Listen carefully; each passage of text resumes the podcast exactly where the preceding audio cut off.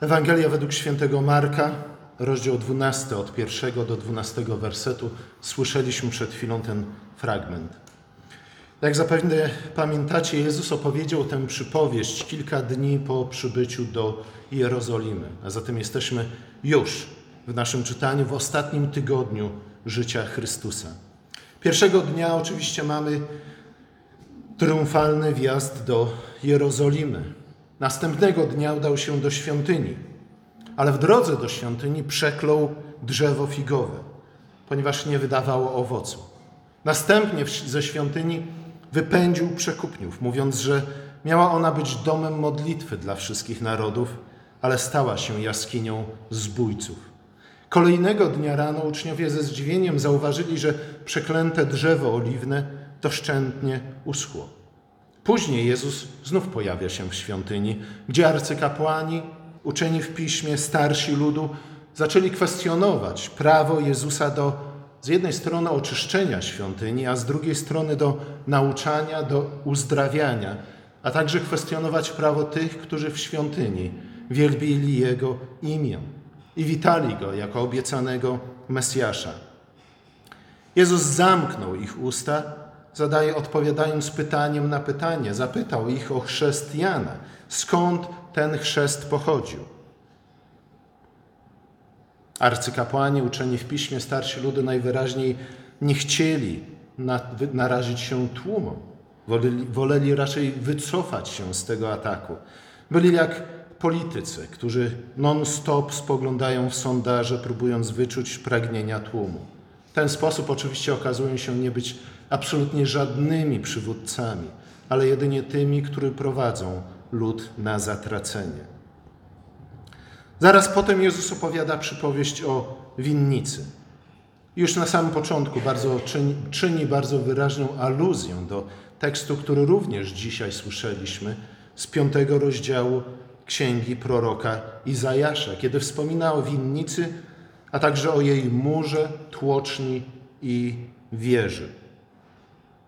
Ta aluzja bardzo jasno zidentyfikowała winnicę z przypowieści jako Izrael, wybrany lud Boży, który miał składać świadectwo o swoim Zbawicielu. W jaki sposób miał składać to świadectwo?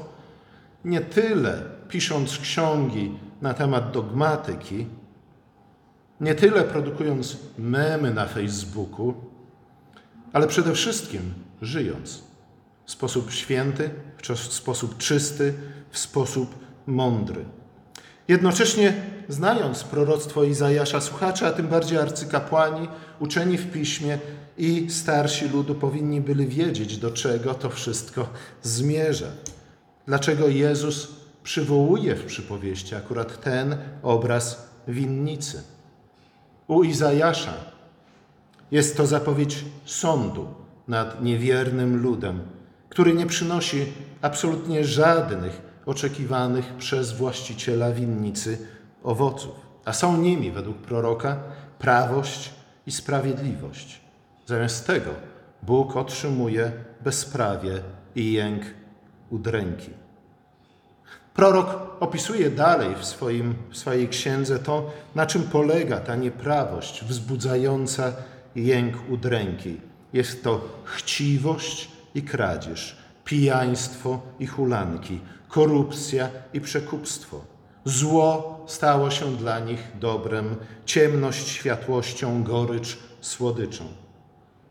Nastąpiło całkowite odwrócenie wartości. Zatem Izrael stał się zaprzeczeniem tego, kim miał być. W ten sposób Izrael pokazał, a przynajmniej jego przywódcy, że absolutnie i do końca odrzucił całą miłość i wszystkie dobre dary, którymi Bóg ich obdarzył. Dodatkowo, dopuszczając się tej całej ohydy, uważając się sami za mędrców, za ludzi wybitnych, utalentowanych, a przede wszystkim wybranych przez Boga. Akurat w tym ostatnim mają rację, Bóg ich wybrał, ale ich zrozumienie wybrania było znów kompletnym, całkowitym zaprzeczeniem tego, czym wybranie miało być. Dla nich wybranie miało być uprzywilejowaniem. Dla nich wybranie było powodem do tego, aby wynosić się dumnie, pysznie, jak paw nad innymi narodami. Kompletnie nie zrozumieli, o co chodziło w wybraniu. A tym samym również poświadczyli, że kompletnie odrzucili to, co Bóg powiedział przez Mojżesza na temat ich wybrania. Bóg powiedział: Wybieram was nie dlatego, że jesteście wybitni, nie dlatego, że jesteście, jesteście jacyś szczególni, a jeśli już jesteście szczególni, to pod jednym względem. A mianowicie tym, że nie ma u was nic szczególnego. Jesteście przeciętni, jesteście zwykli, gorzej, jesteście mali i słabi i właśnie dlatego was wybieram, aby przez waszą słabość i małość okazać swoją moc i chwałę. Zatem doktryna o wybraniu miała ich nauczyć przede wszystkim pokory. Pokory względem Boga, ale także pokory względem innych. Oni jednak uznali to za przejaw rozpoznania przez Boga ich wybitnych zasług i talentów. Bardziej nie mogli się mylić. I tak Izajasz otrzymał misję od Boga, aby dokonać sądu nad wiernym, nad niewiernym Izraelem.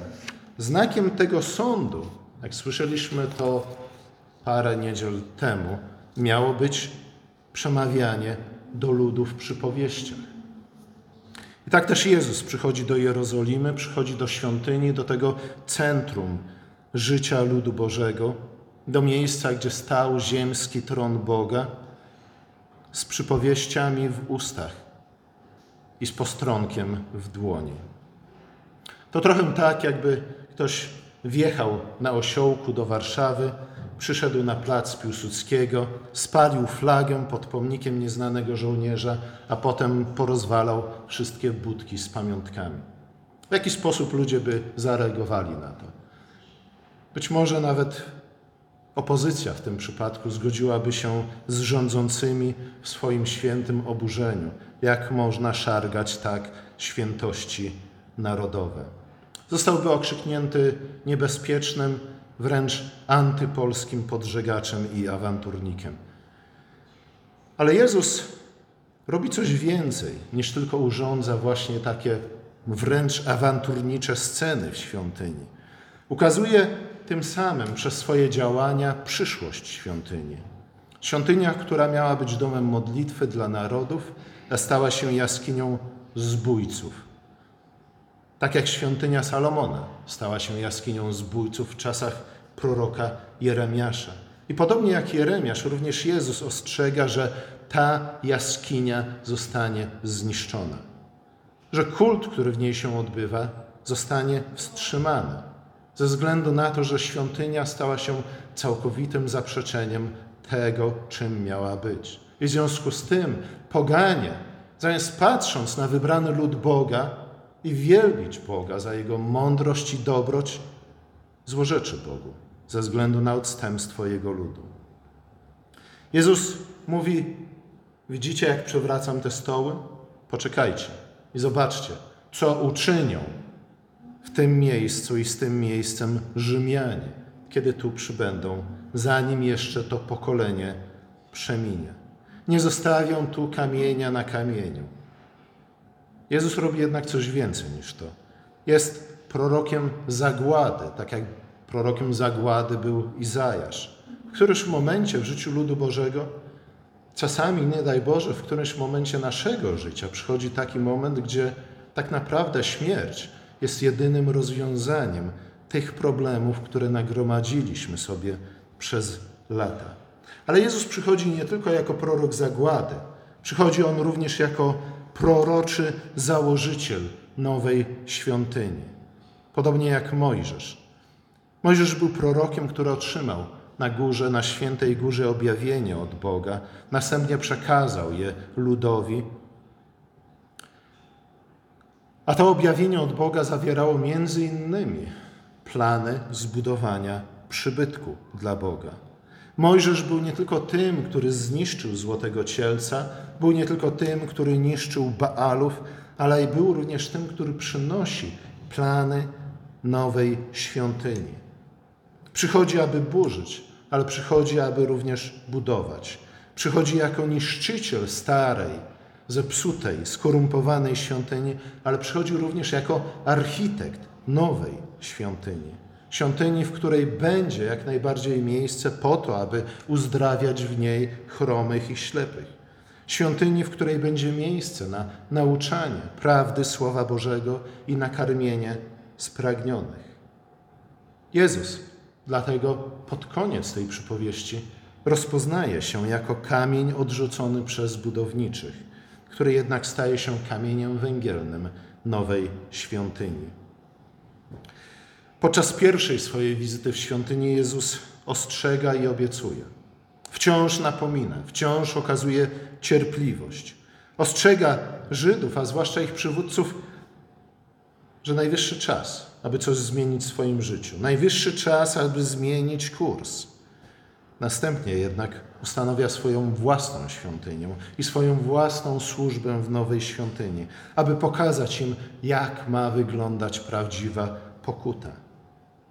A także, aby pokazać, jak będzie wyglądać dom Pana, który stanie się w końcu prawdziwym domem modlitwy dla wszystkich narodów, a nie kamieniem obrazy.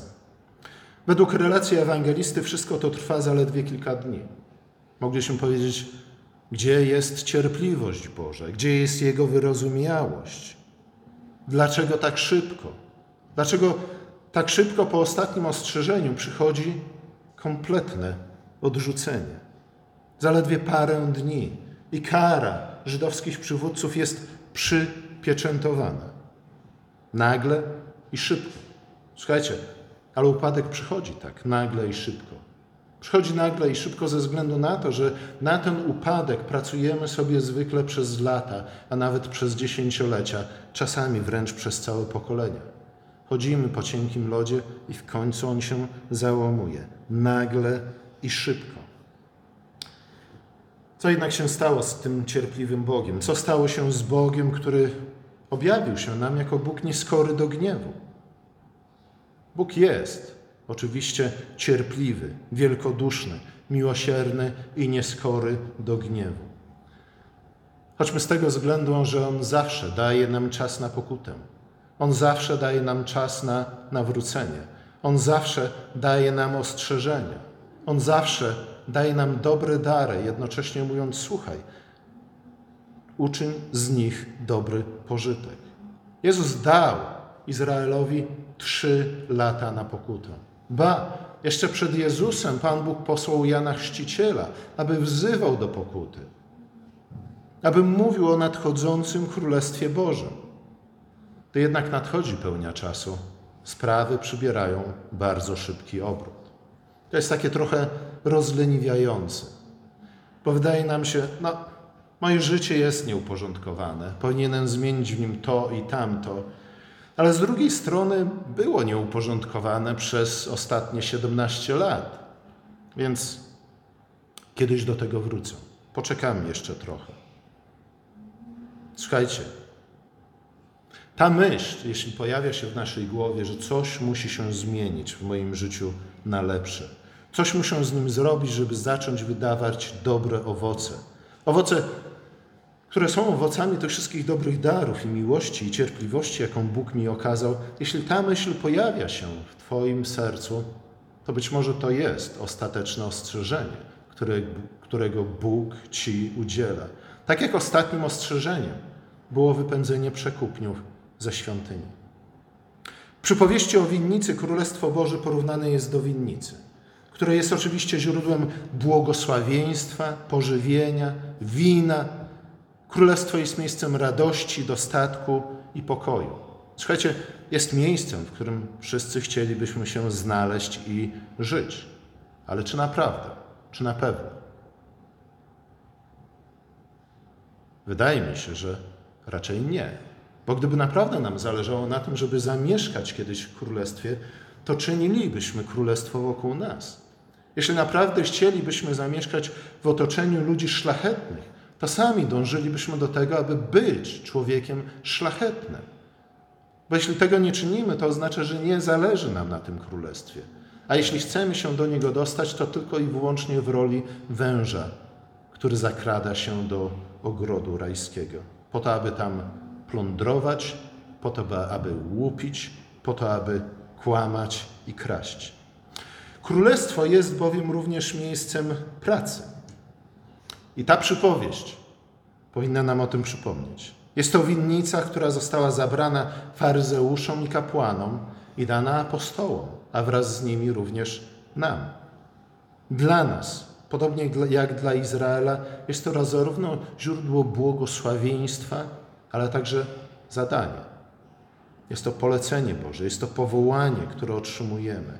Wejście do Królestwa to nie tylko wejście do życia i błogosławieństwa, to nie tylko radość z wina nowego przymierza, ale jest to również wezwanie do wydawania owoców sprawiedliwości,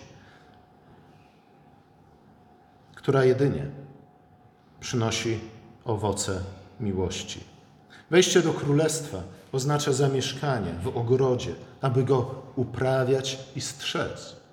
Po to Bóg zasadził ogród dla Adama, aby go uprawiał i strzegł, a nie tylko po to, aby jadł za darmo banany. Bóg przychodzi także do nas, aby zbierać oczekiwane owoce. Przychodzi po owoce,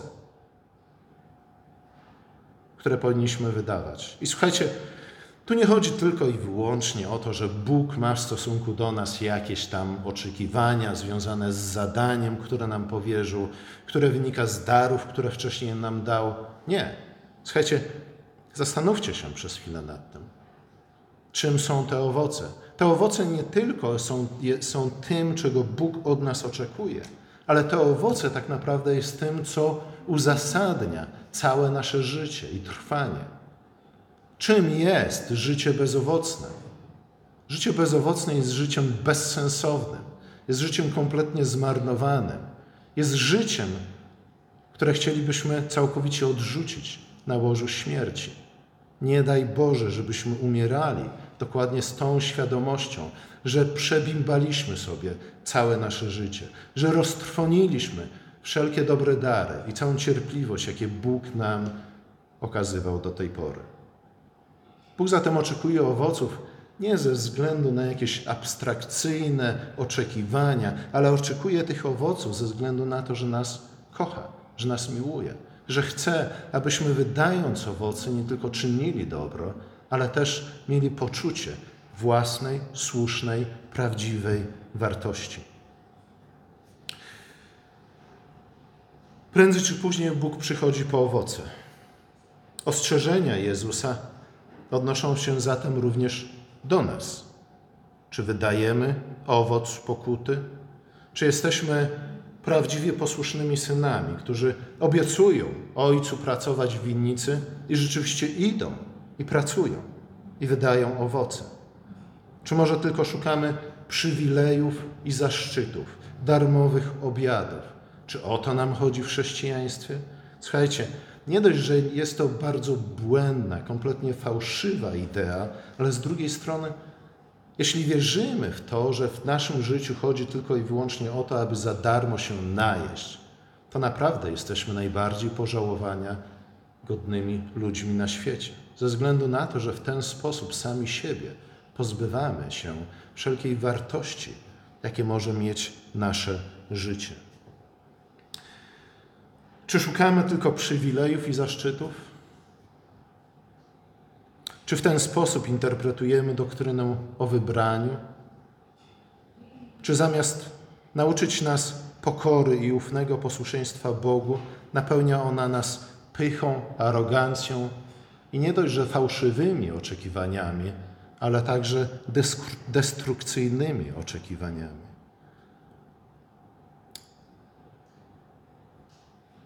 Czy chcemy tylko i wyłącznie wyjadać powidła, które ktoś inny naważył? Czy chcemy zrywać i oczyszczać owoce?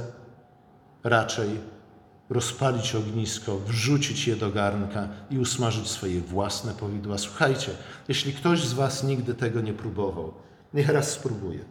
Takie powidła są co najmniej 15 razy smaczniejsze niż najlepsze powidła, które możecie kupić w sklepie, ale które, albo które może zważyć dla Was, was Wasz sąsiad. Właśnie ze względu na to, że oprócz tych śliwek i tego ognia i dymu jest tam również wasza praca. Wasz pot zmieszał się z tymi powidłami i dlatego one są najsmaczniejsze. Czy jesteśmy samolubnymi pijawkami nieustający, nieustannie krzyczącymi daj, daj? Słuchajcie, to też jest coś, co powinno być dla nas oczywiste. Salomon wielokrotnie nas przed tym przestrzega i znów nie tylko dlatego, że jest to złe same w sobie, ale również dlatego, że, obra, że pozbawia nas wszelkiej wartości naszego życia, ponieważ pozbawia nas wszelkiego owocu naszego życia. To nie są te wszystkie napomnienia, przykazania, zachęty, wezwania, nie są znów jakimś arbitralnym prawem wymyślonym gdzieś tam na Kremlu o, przez ludzi oderwanych od życia i żyjących w świecie idei, ale one są, one są nam dane dla naszego własnego dobra. Słuchajcie, jeśli chcemy przejść przez życie jako pijawki, to wiedzmy, że tak po prostu nie przystoi. Po drugie, wiedzmy też, że jeśli jesteśmy, że jesteśmy tylko dzierżawcami winnicy, a nasz Pan jest mocarzem, który do czasu traktuje nas z cierpliwością, z wyrozumiałością, jak kochający ojciec. Ale kiedy trzeba, również ze względu na swoją miłość, jak kochający ojciec, karci nas. Nie chcę bowiem, abyśmy wyrośli na samolubnych nierobów, na cwanych bandziorów albo na pyszałkowatych polityków. Amen.